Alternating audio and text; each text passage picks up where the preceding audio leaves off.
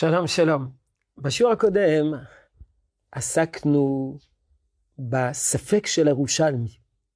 האם מי ששותל בתוך בית עובר על איסור בשנת השמיטה?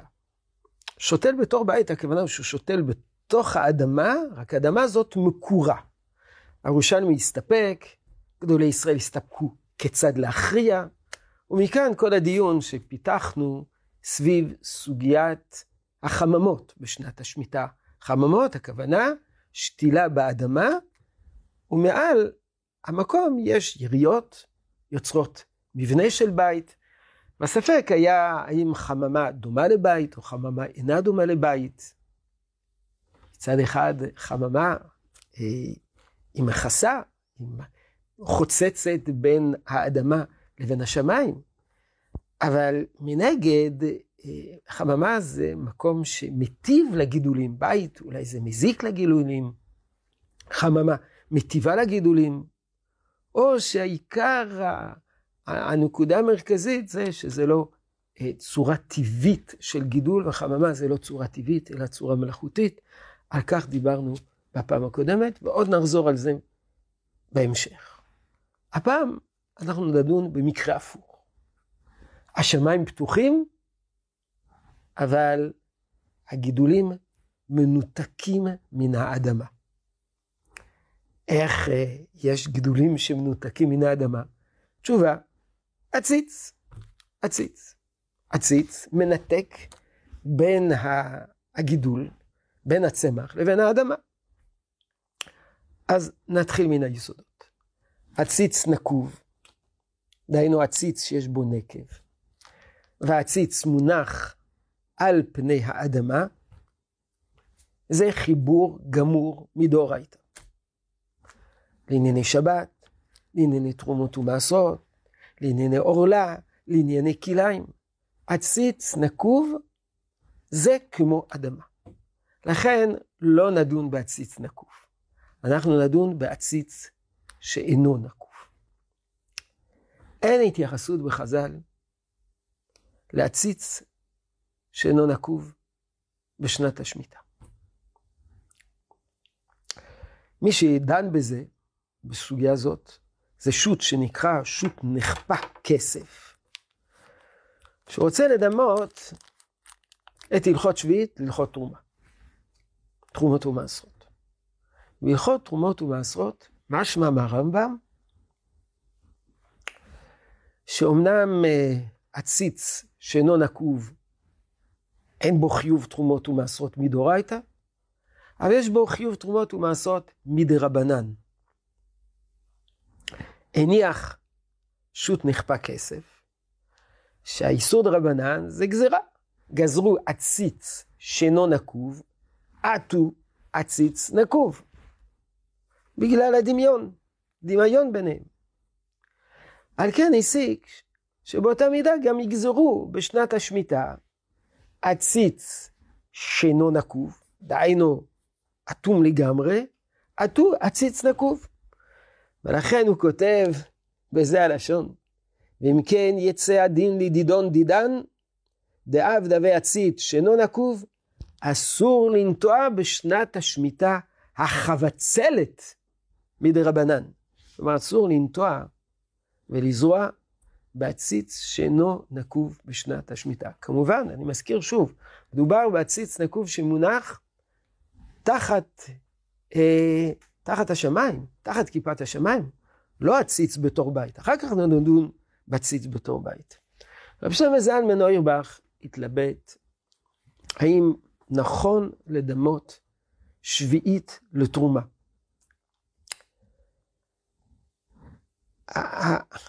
המצוות התלויות בארץ הן מרובות. אז מצאנו מפורש בחז"ל שבעציץ שאינו נקוב, גזרו מדרבנן להלכות תרומות ומעשרות והלכות כליים. אבל לא גזרו להלכות עורלה. אמר שלמה זלמן אורי מה, למה גזרו בהלכות עורלה? לא, למה לא גזרו בהלכות עורלה? כי אומר, אולי חז"ל גזרו אך ורק בדבר שמצוי. תרומות ומעשרות זה כל שנה. כליים כל שנה. עורלה זה אחת לכמה שנים, פעם אחת, ולא מיד. גם שביעית זה לא כל שנה, אלא אחת לשבע שנים. לכן רבי שלמה זלמן אוירבך התלבט בדבר. התלבט בדבר. האם נכון שגוזרים מדרבנן על עציץ שאינו נקוב בשנת השביעית? למעשה, חכמי ישראל יחמירו. וכך כותב החזון איש. ואף בעציץ, סליחה, כותב, חלילה להקל בעציץ שאינו נקוב בחוץ. חלילה להקל.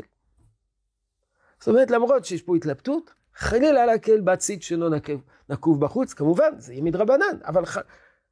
חלילה להקל. איפה יש מקום להקל? יש מקום להקל בעציץ שאינו נקוב בבית. למה? כי זה גם מנותק מן האדמה, וגם מנותק מהשמיים. יש פה את הספק של ירושלמי, ובנוסף לזה עציץ שאינו נקוב. חזון איש כותב בזה הלשון, ואף בציץ שאינו נקוב בבית, הדעה נוטה להחמיר. אבל מי שיקל, אין לנו כוח למחות די שלם על מה שיסמוך. ומכאן התפתח כל הדיון, האם מותר לזרוע בעציץ, בחממות, מצע מנותק.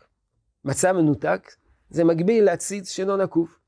פורסים יריות, ניילון, פלסטיק, אבות, על גבי הרצפה, לא שותלים באדמה. בתוך חממה, זה גם עציץ שאינו נקוב, יש, זה בדרך כלל על גבי היריות מונחים עציצים גדולים, עציצים גדולים, ובהם שותלים. אז זה עציץ שאינו נקוב, בגלל שהיריית ניילו, יריית פלסטיק על הרצפה מבדילה, סותמת את החיבור של העציץ לאדמה, ומעל גבי זה חממה, אז לכאורה זה כמו עציץ שאינו נקוב בתוך בית. אבל כאמור, בשיעור הקודם, יש כאלה שטענו שחממה אין הדין של בית. למה? כי נועדה להיטיב לצמח. היא נועדה לשפר, לאפשר לו את גידולו. ולכן, סביב זה ישנה מחלוקת גדולה. מה הדין בחממה מצע מנותק בשנת השמיטה? בימינו מקילים רק בצירוף אה, אזורים מסוימים, בתוספת יותר מכירה, כל הדברים האלה יחד. אז אה, נוסיף עוד שאלה מעניינת. מה ההגדרה של עציץ? הנה, יש תשובה מפורסמת של הראש על אדם שעל גג הבית שלו הוא שפך אדמה ושתל כרם על הגג של הבית שלו. הוא בנה על הגג, זה היה בתים מאבן, בנה איזה, איזה גדר סביב הגג, מעקה עבה, שפך כמות גדולה של אדמה, ונטע בתוכו אה, קרן. האם זה מוגדר כעציץ שאינו נקוב? הגג הוא לא נקוב, הגג הוא, הוא אטום לחלוטין, על גבי זה אדמה.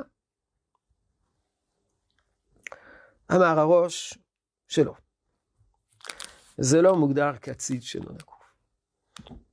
עציץ אומר, מה שמאפיין עציץ, זה בגלל שזה דבר שמיטלטל. ואין דרך לזרוע בדבר מיטלטל. אם זה נקוב, למרות שזה מיטלטל, זה מוגדר כמחובר לאדמה. אבל, אומר בנידון דידן, בנידון זה, שמילא את הגג עפר ונטע בו כרם, שהוא דבר קבוע, זה יותר טוב מהציץ נקוב. ולכן, אמרו גדולי ישראל, שגם אם אנחנו מקילים, זה דווקא בעציצים קטנים.